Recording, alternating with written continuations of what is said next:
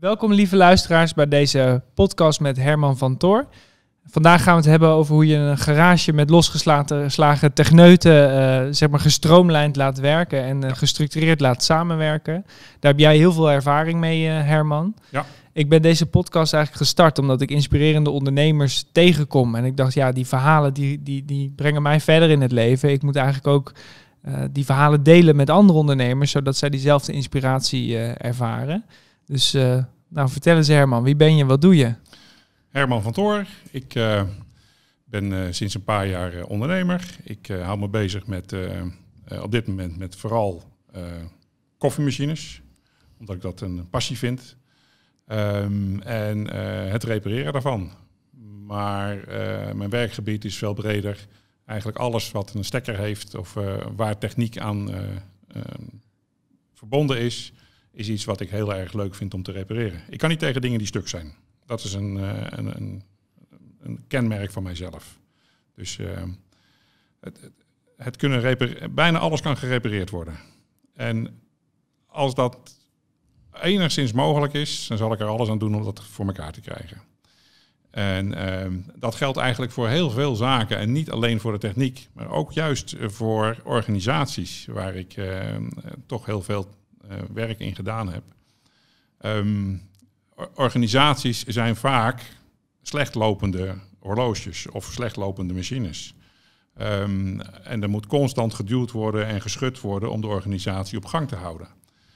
Um, door goed te kijken naar welke componenten er in een organisatie zitten en vooral in de uitvoering, in de operatie of op, in de productieomgeving, uh, is het, zijn het vaak hele eenvoudige zaken die het maken dat um, een, een, een werkproces opeens een procedure kan worden. Um, een mooi voorbeeld is dat, dat ik, ik heb gewerkt voor uh, Lockheed Martin Commercial Flight Training. Mm -hmm. um, en uh, toen ik daar binnenkwam was het bedrijf net overgenomen van Sim Industries. En in Sim Industries was een bedrijf wat uh, hele goede simulators maakte. Alleen alle simulators die ze maakten waren uniek. Alles maatwerk. Alles was maatwerk. En uh, dat, dat is niet handig als je er 60, 70 in de wereld hebt staan. En niet eens echt zeker, weet of ze alle 60 of 70 nog werken. En dat je ook niet precies weet waar ze staan. Um, als je dan onderhoud moet plegen of moet plannen, is dat A, een hele dure uh, situatie. Want je moet er iemand heen sturen om te analyseren. Dan te bepalen wat er nodig is. Dan er iemand heen sturen. Terwijl het ook kan als je het vooruit werkt en een, een goede controle op zo'n systeem hebt, dat je dat van, van tevoren weet van oh, dat is stuk en dat moet vervangen worden en dat staat eigenlijk op de lijst om vervangen te worden vanuit een bepaalde agendapunt. Um, als je dat een beetje structureert en goed over nadenkt en, en vooral de juiste mensen daarop zet, um, is dat een, uh, een enorme winst voor de meeste bedrijven. En het heeft heel veel te maken met het service management proces. Hoe, um, hoe geef je je product een meerwaarde voor de klant door de juiste service te geven? Het hoeft niet de beste service te zijn. Het hoeft ook niet alle service te zijn. Maar het moet de passende service voor een klant zijn. Dus je hebt heel veel ervaring eigenlijk met een stukje techniek, maar ook een stukje onderhoud. Want ja. in principe als er techneuten zijn, dan betekent het dat er iets wordt ontwikkeld, bedacht wordt. Dat moet dus ook Of onderhouden gemaakt. worden. Ja. Ja. precies. En dat moet dan ook onderhouden worden. Ja, en dat is dan nogal een klus, want dan heb je al die eigenwijze techneuten bij elkaar. Ja. Die willen eigenlijk alles zo maatwerk uh, mogelijk maken. En dan uh, kom jij erbij met het brede ervaring over het hele perspectief eigenlijk. Ja, ja. en wa- wat je dan ziet is dat er vaak um, heel veel waarom vragen komen vanaf mij. Ja, waarom doe je het zus? Waarom uh, gebruik je dat onderdeel? Waarom gebruik je die volgorde van werken? En als je al die waaroms op een lijstje gaat zetten, gaat, gaat verzamelen, um, dan komt daar vanzelf een mooie lijn uit. Bijna altijd, of je, of je doet een gap analysis, Mhm. dat ergens blijkt dat er gewoon een stuk regie mist. Of een, een stukje uh, kwaliteitscontrole mist, waardoor bepaalde stappen uh, uh, overgeslagen worden. En die dan later in het proces ervoor zorgen dat, dat een proces vastloopt. Of herstart moet worden, of opnieuw gedaan moet worden. Dus als je dat combineert met een, een stukje analyse en je zorgt ervoor dat de juiste mensen samenwerken aan een van tevoren benoemde doelstelling. Een, een, in het geval van die flight simulators was het heel simpel. er moesten er zes gebouwd worden en ehm, er was eigenlijk maar plek voor twee. Nou, dan ga je denken van hoe ga je dat zes stuks en ik heb maar plek voor twee. Dan ga je een volgorde bepalen van oké, als we het nou in stapjes doen. We maken zo'n simulator niet in één keer, maar we maken hem in zeven keer. En, en, je, en je, je doet een breakdown op het complete productieproces in zeven stappen. Dat kan elke hoeveelheid stappen zijn, maar zeven was voor ons op dat moment heel erg uh, logisch en gunstig. En als je dat dan doet, dan, dan opeens is het heel eenvoudig. Twee stuks erin. Eerste stap afmaken, opzij. Volgende twee erin. Eerste twee stappen afmaken. En dan kan je kiezen van in welke volgorde je dat doet. En de bedoeling is natuurlijk ook nog dat je de mensen zo uh, gemotiveerd houdt dat ze hun werk blijven doen. Dus uh, de competitiefactor in zo'n productieproces is ontzettend belangrijk. Um, ja, is dat belangrijk voor mensen? Voor techneuten, ja zeker. Ja, ja die, die moeten een doel hebben. Die moeten, moeten kunnen laten zien wat ze kunnen. Uh, althans, heel veel uh, techneuten. Dus een techneut zonder doel is eigenlijk een heel groot uh, gevaarlijke is een situatie. organisatie, ja. Ja, want um, een techneut kan vaak heel veel en doet maar een gedeelte van zijn kennis en kunde toepassen binnen een bedrijf. Um, en als hij daar te veel ruimte voor heeft, gaat hij toch andere dingen doen. Ja, wat hij zelf leuk vindt.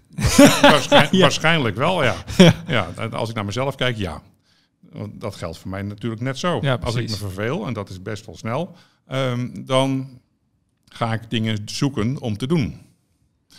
En um, nou ja, in het geval van zo'n complexe machine als een simulator, uh, heb ik dat aangepakt door uh, twee teams te maken van gelijksoortige samenstelling. avionics, mechanics, elektronica. Ehm, om ze samen als doelstelling te geven: jongens, jullie gaan allebei een simulator maken van hetzelfde type. En quality control houdt jullie in de gaten van welke stappen jullie zetten en hoe goed jullie het doen. En aan het eind kijken we welke het eerste klaar is, zonder fouten. Nou ja, dat was natuurlijk een uitdaging die uh, interessant was. Zeker omdat er ook nog een soort van beloning tegenover ja. stond. En, en, en, en uh, niet alleen een emotionele beloning, maar ook een fysieke beloning, geldelijke beloning. Dus je had eigenlijk twee productielijnen en ja. die twee die voerden een competitie met elkaar, waardoor ja. iedereen ook scherp bleef en iedereen dus ook ging kijken, kunnen we het nog beter of slimmer of anders doen. En ze kijken naar elkaar. Ja, en, ja dan wordt het inderdaad en, wel... En, en, omdat het toch één bedrijf is en ze allebei hetzelfde doen... In de eerste, de eerste fase is dat ze dan hun dingetje zelf gaan doen. Maar op een gegeven moment merk je dat er ook synergiemogelijkheden is, is, is tussen die twee teams. Als zij gelijksoortig oplopen, dan lopen ze ook op hetzelfde moment tegen dezelfde problemen aan.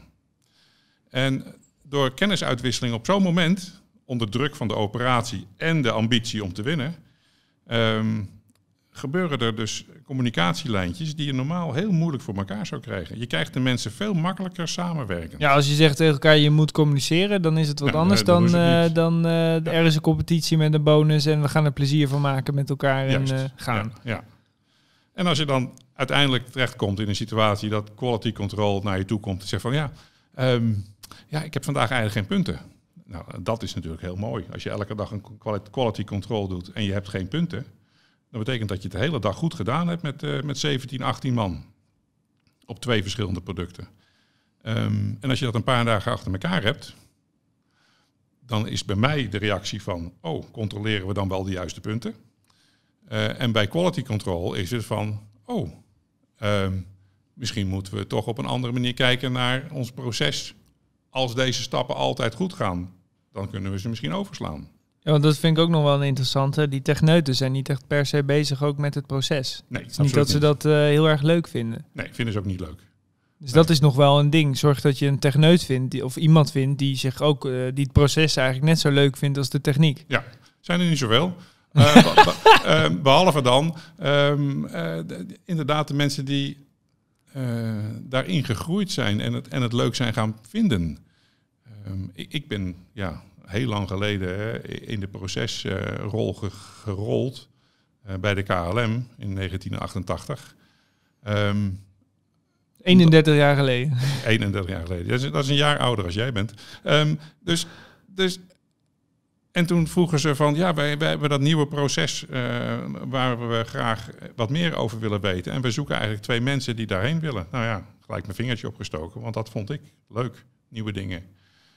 En uh, ITIL-proces, uh, ja, de, de, de, de procesmatige aanpak en de stapsgewijze introductie van een, een verbeterproces voor de, de informatietechnologie.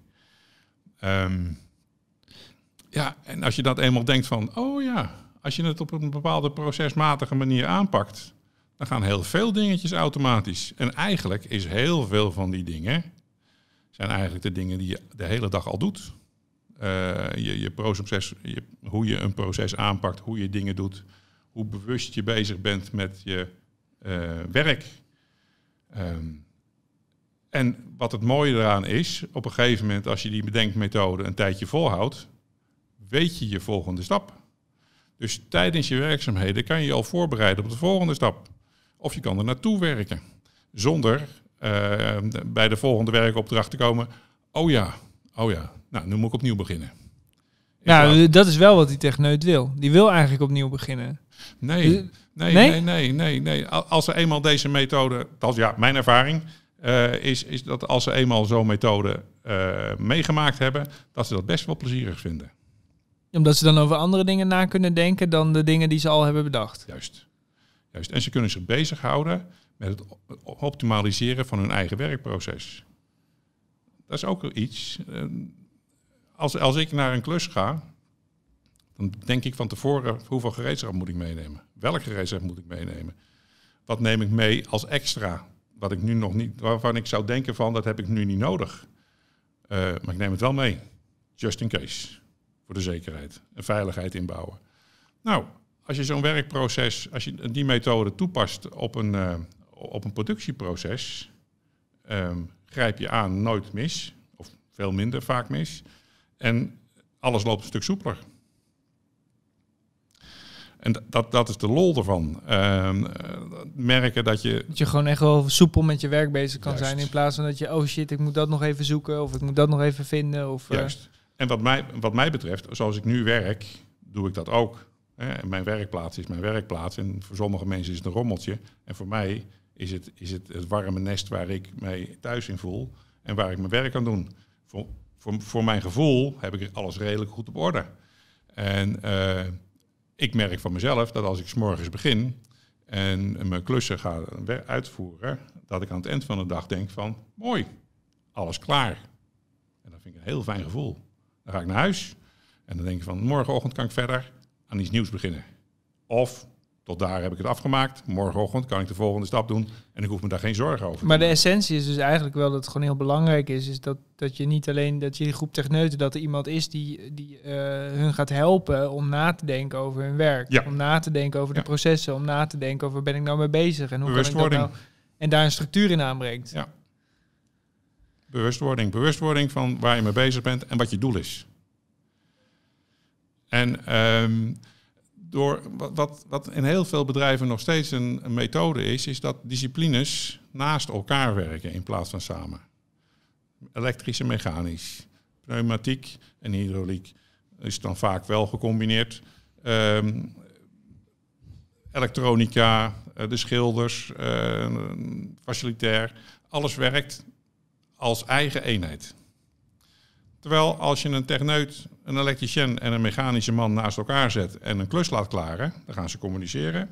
En dan weten ze van elkaar van, oh, als ik niet dus deze stappen nu doe, dan kan jij die kan stappen ik rekening doen. houden met jou. Kan rekening houden met jou en jij houdt rekening met mij. En dan gaat het allemaal stapje voor stapje. Heel fijn.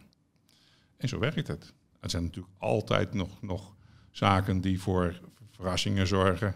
Maar veel minder. En de zaken die dan voor verrassingen zorgen, zijn echte um, onvoorziene zaken. Kijk, als iemand struikelt op een werkvloer, uh, dat zou in principe nooit mogen als je het goed voorbereid hebt en je, en je, en je werkvloer is uh, optimaal geoptimaliseerd. Um, maar als iemand struikelt en zijn pols breekt ehm, dan valt zo'n plek weg in het productieproces. Dat moet dus opgevangen kunnen worden. Bij een goede procesorganisatie, een, produ een procesproductieorganisatie, kan iemand anders in zo'n plek stappen en zijn werk overnemen. Want de methode waarop gewerkt wordt is hetzelfde. En de, de, de, de, de collega's eromheen kunnen de, de nieuwe persoon snel en eenvoudig op zijn plek zetten. Dus de, nieuwe samenwerking vastleggen. Um, dat, is de, dat is het standaardiseren van methodes. Ja. Um, en dat voor iedereen heel plezierig is. Dat is wel typisch iets ook voor de luchtvaart, die hier best wel ver uh, nou ja, dat zou je zeggen. Het, in, het onderhoud wel. En, eh, daar hebben we veel, uh, veel met instructies en manuals en alles ligt vast. Juist. En elk onderdeel is drie keer gecontroleerd voor het überhaupt in de buurt van een vliegtuig komt. Ja, alleen een simulator maken natuurlijk die heeft wat minder eisen te voldoen dan een vliegtuig zelf, neem ik nou, aan. dat is niet waar. Nee? een simulator, eigenlijk, een simulator moet aan meer eisen voldoen. Oké. Want een simulator moet 50.000 situaties kunnen... Ehm, simuleren, naspelen, die in een echt vliegtuig bij voorkeur niet voorkomen. Uitzonderingen. Dus um, elk onderdeel in een simulator moet zo goed zijn als de uitzondering vraagt. Uh, een voorbeeld daarvan is, is een, uh, een, uh, een fire handle, een, een, een blushandle voor de motoren. In een echt vliegtuig wordt die bij uitzondering Eén alleen één keer gebruikt. ja. En dan is een situatie waarvan je zegt van, goh, dat is best wel kritiek. In een simulator wordt die 50, 100 keer per dag gebruikt. Om een bepaalde situatie na te kunnen spelen en, een, en te oefenen in de situatie die ontstaat bij een motorbrand of een, uh, of, of, of, een brand in het E-rek. Of ergens in het vliegtuig gebeurt brand, dus je moet de brandschakelaar trekken als de brandschakelaar getrokken is en ehm, je maakt daarna nog een fout, dan moet je die procedure nog een keer doen. Dus zo'n, in een simulator gebruik je zo'n schakelaar 100, 150 keer per dag.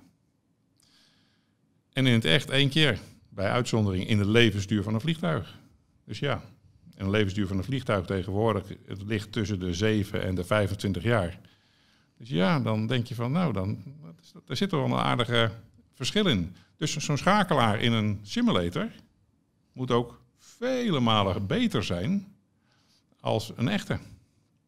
Terwijl een echte al een gecertificeerde schakelfrequentie heeft van minimaal een miljoen keer. Ja, dus jij zegt eigenlijk voor de techneuten is het nog ingewikkelder om die schakelaar voor een simulator te ontwikkelen dan de echte schakelaar die er is. Ja. En dat geldt eigenlijk voor alle onderdelen in een simulator. In een echt vliegtuig zegt een schakelaartje klik. Als je in een simulator klak zegt, dan leert een piloot het verkeerd. En dan zal die in een noodsituatie in een echt vliegtuig klik horen waar die klak verwacht. En dan wordt hij gek, ja. En dat is een kwart seconde, misschien wel een halve seconde tijdverspilling. En dat is, dat is dus kritiek in, in, in een noodsituatie. Dan kan je geen tijd verspillen. Moet alles geoptimaliseerd zijn. Dus um, de uitdaging in een simulator is om alles zo goed te maken dat het beter als echt is. En dan moet dus ook iedereen samenwerken. Want die piloot moet samenwerken, input leveren en uh, de techneut moet wat bedenken, maar dan moet dan ook weer... Uh... Ja, ja ik, heb, ik heb uren gezeten met, met, met, met testpiloten die uh, discussie hadden over een draaischakelaar die volgens hun een graad anders was als dat hij in het echt was. Een graad anders in de draairichting een, een schakelaar. Um, want ze voelden het anders. En dat is als je dat in een echt vliegtuig dagelijks doet, de radiofrequentie instellen, um, dan weet je exact hoe, welke maat het is. Net als dat je je horloge opwint, dan weet je hoe dat de kroon voelt. En hoe zorg je nou dat die techneuten daar begrip voor hebben dat ze dat moeten aanpassen? Want dat, dat door ze, denken, te laten ervaren. Ja, door ze te laten ervaren. Dus je hebt letterlijk die schakelaars naast elkaar gezet en uh, kijk, dit is de echte en dit is uh, wat wij hebben gemaakt. Net als de knopjes, de, de draaiknopjes die erop zitten. Hoe voelen die? Welke verf heb je daarvoor nodig? En hoeveel lagen verf om de veerkracht hetzelfde te houden? Zo ver ga je op een gegeven moment. En, en, en als je een drukknopje hebt, hoeveel kwart millimeter moet je hem induwen voordat hij werkt? En dat is natuurlijk allemaal heel specifiek voor een flight simulator, heel speciaal. En voor de meeste mensen is dat ook onzin om daarover na te denken. Maar omdat je een simulator wil maken die mensenlevens moet redden, moet je daar heel goed over nadenken hoe goed die moet zijn. Zit het dan ook in dat team van Techneut dat ze wel het idee hebben, hey, we zijn met iets bijzonders bezig? Ja, ja, ja. ja dat, dat, dat zie je vaak bij mensen in de luchtvaart sowieso. Ja, absoluut. Ehm, dat ze ontzettend trots zijn op hetgeen wat ze doen. En ehm, eh, dat ze altijd willen bijleren. Dus dat ze echt een, een honger naar kennis hebben. Maar dat is ook een eigenschap die je moet hebben om in die luchtvaart te kunnen werken. Want voor de rest, er zijn er natuurlijk enorm veel regels waar je aan moet voldoen. Veiligheidsregels, kwaliteitsregels, uh, volgorderegels, procesregels. Allerlei, dat moet je wel kunnen als, als techneut. Als je daar te eigenwijs voor bent. Eigenwijs is goed, te eigenwijs niet. Ja, dus ik heb uh, opgeschreven: techneut zonder doel is echt een gevaar. Ja, absoluut. ja. Zorg dat je een controle inbouwt in je proces. Dus dat er echt een controle is voor die techneut, zodat hij ook het gevoel heeft: hé, hey, ik heb geen vrije hand hierin. Er wordt wel opgelet wat ik oplever. Ja. En ik word ook daarvoor beloond. Dus dat je niet alleen maar heel negatief uh, daarin bent. Ja. Controle in samenwerking, hè? Ja. Dus, dus, dus er moet een samenwerking zijn om die controle steeds beter te krijgen. Ja, en dat er eigenlijk ook iemand met technisch inzicht het proces ontwerpt. Ja. Dus dat je ook echt letterlijk aandacht besteedt aan hoe zit het proces in elkaar. En dat niet de techneuten die normaal bezig zijn dat proces gaan bedenken. Ja. Juist, dat klopt. Dat is inderdaad precies wat je zegt. Wat er heel vaak gebeurt is dat er een, een, een proces bedacht wordt door een, uh, een uh, academicus. Dus die, die, die bedenkt van, nou, als we het nu in die en die en die volgorde doen, dan moet het goed zijn. Maar die academicus die heeft niet de inzicht op de uh, hands-on techniek die nodig is om iets te bouwen. De pragmatische kennis eigenlijk. De pragmatische kennis die echt nodig is om uh, welke volgorde, welke boutjes je gebruikt en, en, en, waar die dan liggen ergens in de productievloer en um, in welk productieproces je zit en um, wat voor andere factoren nog van belang zijn. als een, uh, als een, uh, als een techneut ernaar kijkt, een operationele techneut ernaar kijkt, dan kijkt hij van nou, dit en dit en dit moet gebeuren. Dit kan ik in één stapje benoemen. En als ik drie stapjes heb, dan heb ik een processtap. En als ik zes processtappen heb, dan heb ik mijn product. Op die manier naar kijken naar, naar, naar, een, naar een productieproces is heel anders dan van bovenop. Um, en het is altijd goed om het te laten van twee kanten te bekijken. Als het eenmaal klaar is, of dat wel past in de strategie, de productiestrategie van een bedrijf. Um, dan is het wel heel erg handig om zo'n academicus op een gegeven moment bij zo'n operationele techneut te krijgen en samen te laten kijken van, ja. oh, um, en als we het nu even zo doen, dan krijg je een, een communicatie die vaak heel erg effectief is.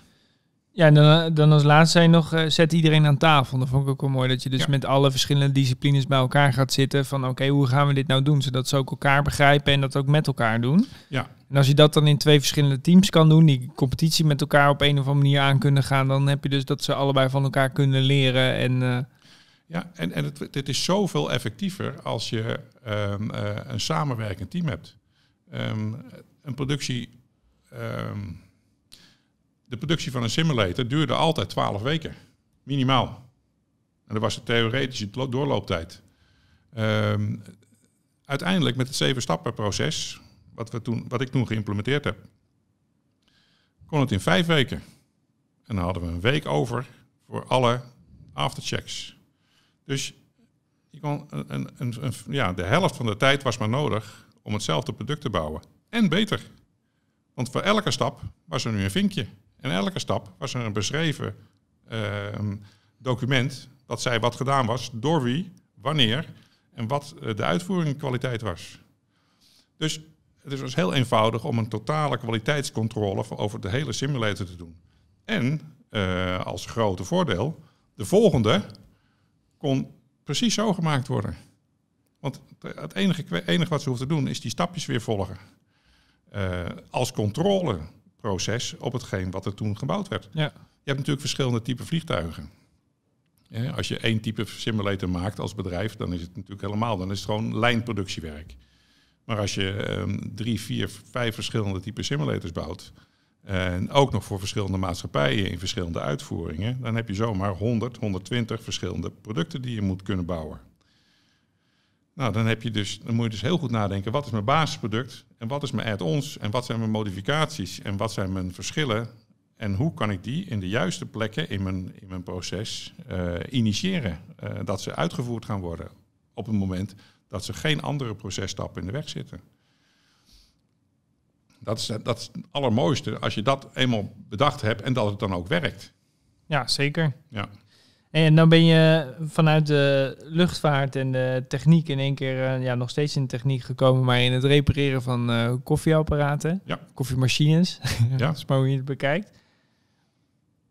Wat is uh, jij bent helemaal verliefd op koffieapparaten. Ik, ik hoor je met heel veel passie erover praten. Ja. Maar ja, hoe kom je nou van die complexe techniek naar nog steeds complexe techniek? Want dat is wat ik ervan heb begrepen van jou. Maar... Kijk, uh, luchtvaarttechniek is heel um, absoluut. Ja, het is allemaal vastgelegd. Het is allemaal, er zijn geen grijze gebieden. Uh, een koffiemachine is een uh, um, emotioneel apparaat. Want er zijn zoveel variabelen in. Um, en, en zoveel passie in het bouwen van zo'n apparaat. Um, dat je. Geen enkele machine is hetzelfde. Als je zes machines naast elkaar zet, zullen ze alle zes anders reageren. Bij dezelfde gebruikskarakteristieken.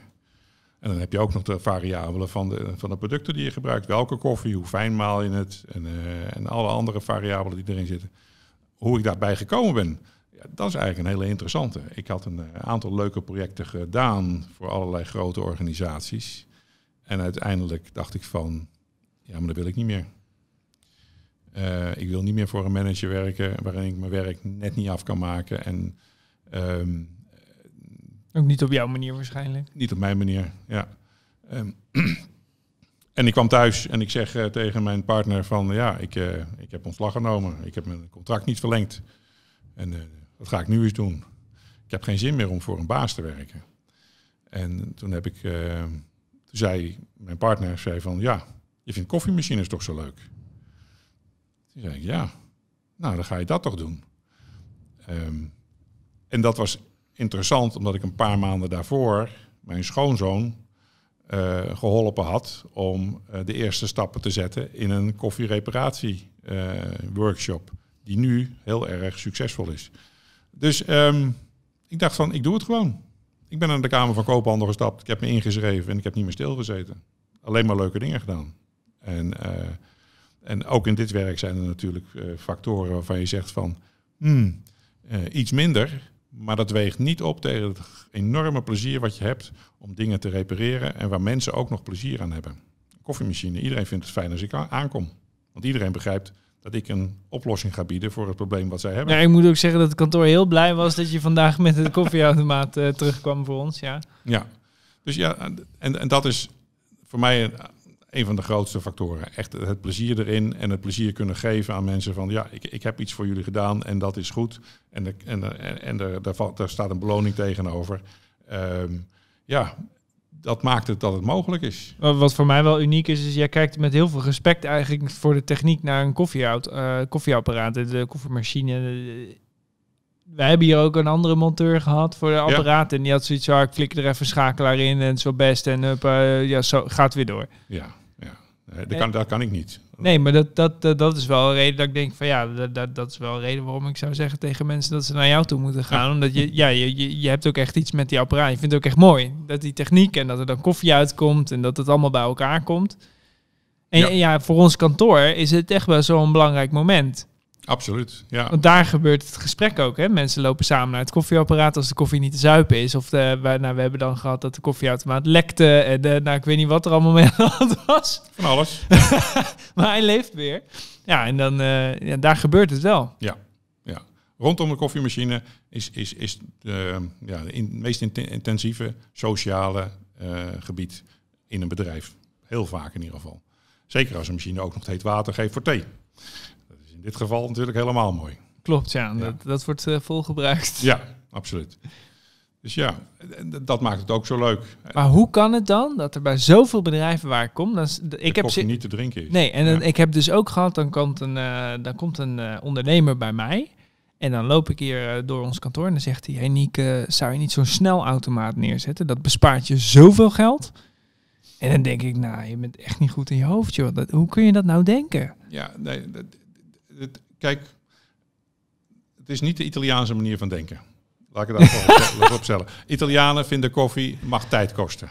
En dat is natuurlijk ook zo. Want je, het aantal handelingen wat je doet, zorgt ervoor dat je toewerkt naar een genotmoment. Kopje koffie. Um,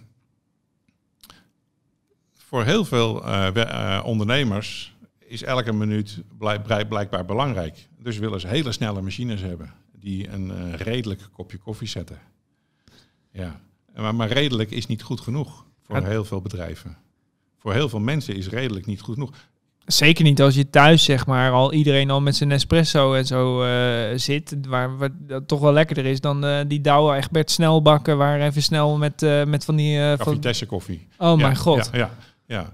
Dat is ziekenhuiskoffie. Noem ik ja, dat is echt. Ja, daar kom je van in het ziekenhuis. Ja, ja. nou ja, ze, ze, schenken het er ook. Het is een soort van klantbehoud. om, om ze te behouden. Ja, ja. precies. Ja. Nee, maar de, de, de, er zijn wel hele goede snel, snelle machines. Um, maar dan haal je een heel groot gedeelte van het plezier van koffie drinken weg. Um, en er zijn natuurlijk ook bedrijven die uh, dit soort machine, een pistoolmachine of een filterdragermachine, uh, niet willen, omdat, er, uh, omdat het op jaarbasis onderhoud kost. Maar dat kost een volautomaat ook. En een, een goede volautomaat voor een groep van, van 25, 30 mensen kost je ook 400, 500 euro aan onderhoud per jaar. Verbruiken die niet nog veel meer bonen dan een... Ja, ook dat. Je, je gebruikt veel koffie. Um, en, er, en omdat er snel koffie gezet moet worden, zijn ze grove maling. Dus je hebt 9 gram per kopje nodig in plaats van 3,5 of 2,5. Zoveel? 9 gram koffie. Zoveel meer? Ja, bijna twee keer zoveel. D dus je betaalt je eigenlijk schil aan bonen, dat is eigenlijk het verhaal. Nou ja, wat er dan heel vaak gebeurt is dat er hele goedkope bonen in gaan.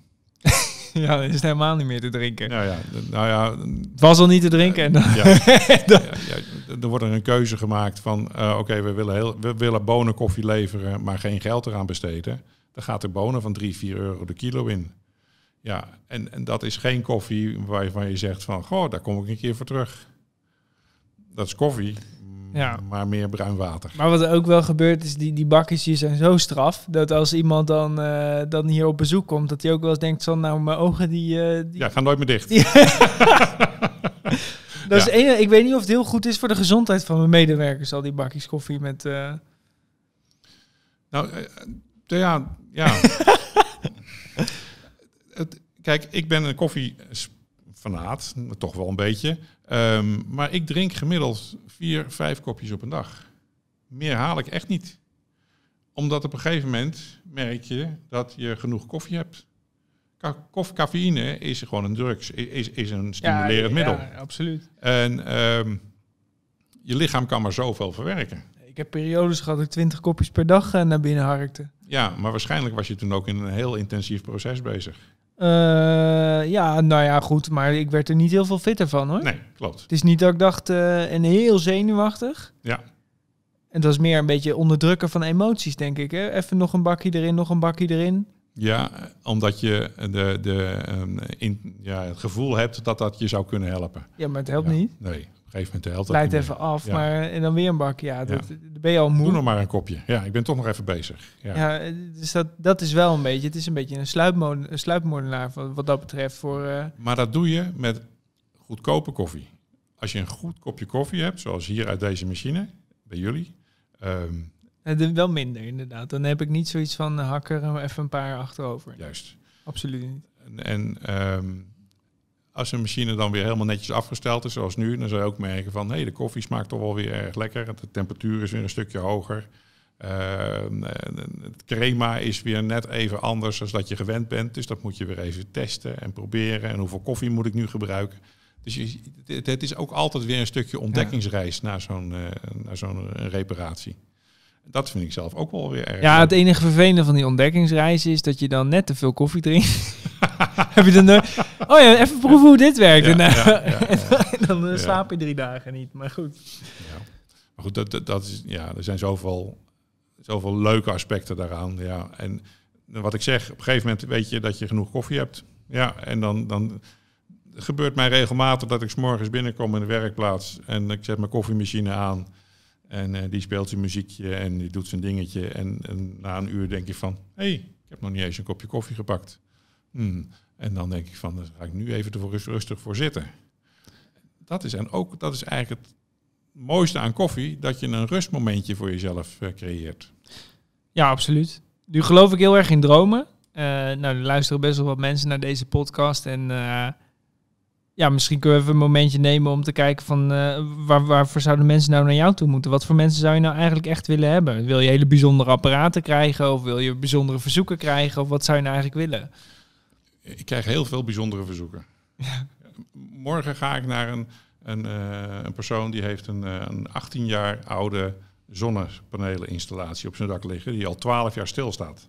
En die vraagt mij om te kijken of het nog bruikbaar gemaakt kan worden. Donderdag ga ik naar het Terra College in Groningen, want die hebben eh, een aantal simulators gekocht en die doen het niet. En het bedrijf wat ze geleverd heeft, is failliet. Of ik er wat mee kan. Oh, dat is wel een hele leuke klus. Dat zijn wel hele leuke klussen. Ehm, dus, en dat komt gewoon op mijn pad. Dat komt gewoon bij mij binnen. En mensen vinden me omdat ze mijn LinkedIn zien of eh, ze weten van mij. Ehm, ik doe natuurlijk werk in het hele land. Ik kom bij iedereen. En ehm, ja, dan, dan, dan is een linkje snel gezet. Je kan het dus aan hem vragen. Misschien weet hij het wel. En anders weet hij wel iemand die het kan. Nou, zo'n persoon ben ik. En ik heb natuurlijk een enorm netwerk opgebouwd met de, met de ervaring die ik gedaan heb. En, en ik probeer dat netwerk ook te onderhouden met de personen die daar op sleutelposities zitten. En zodoende kan ik dus ook eh, donderdag iemand meenemen uit de, van, die verbonden is aan de Technische Universiteit van Delft. Die gespecialiseerd is in de mechanica, software, elektronica koppeling van complexe machines. Nou, ja, met zijn kennis en kunde en mijn inzicht denk ik dat wij daar gaan kijken van hoe gaan we de volgende stap zetten om dit project weer vlot te trekken. Ja. Ehm, ehm, ja, dat zijn de dingen ehm, die je kan. En, en waar ik naar op zoek ben, wat, ik, wat mijn dromen zijn, is dat ik alle machines die ergens stil in een kastje staan, eh, zielig te zijn, omdat ze het niet, even niet gedaan hebben, eh, weer aan de gang kan helpen. Ja, dus Ja. heb jij nog een bijzondere machine thuis staan? Ja, ja, als je Ga even naar Herman van Toor.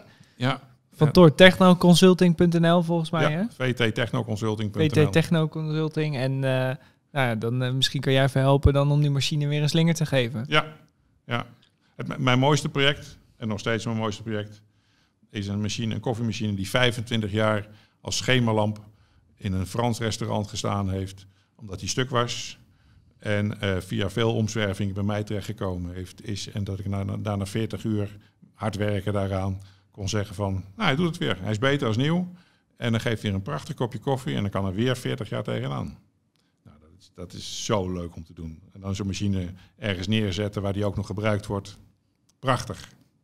Mooi om mee af te sluiten. Ja. Bedankt voor deze podcast, Herman. Ja, dankjewel. Mocht u het leuk vinden, like of subscribe even ons, eh, ons bericht en eh, ons kanaal op eh, YouTube. En dan zie ik jullie in de volgende podcast. Dankjewel.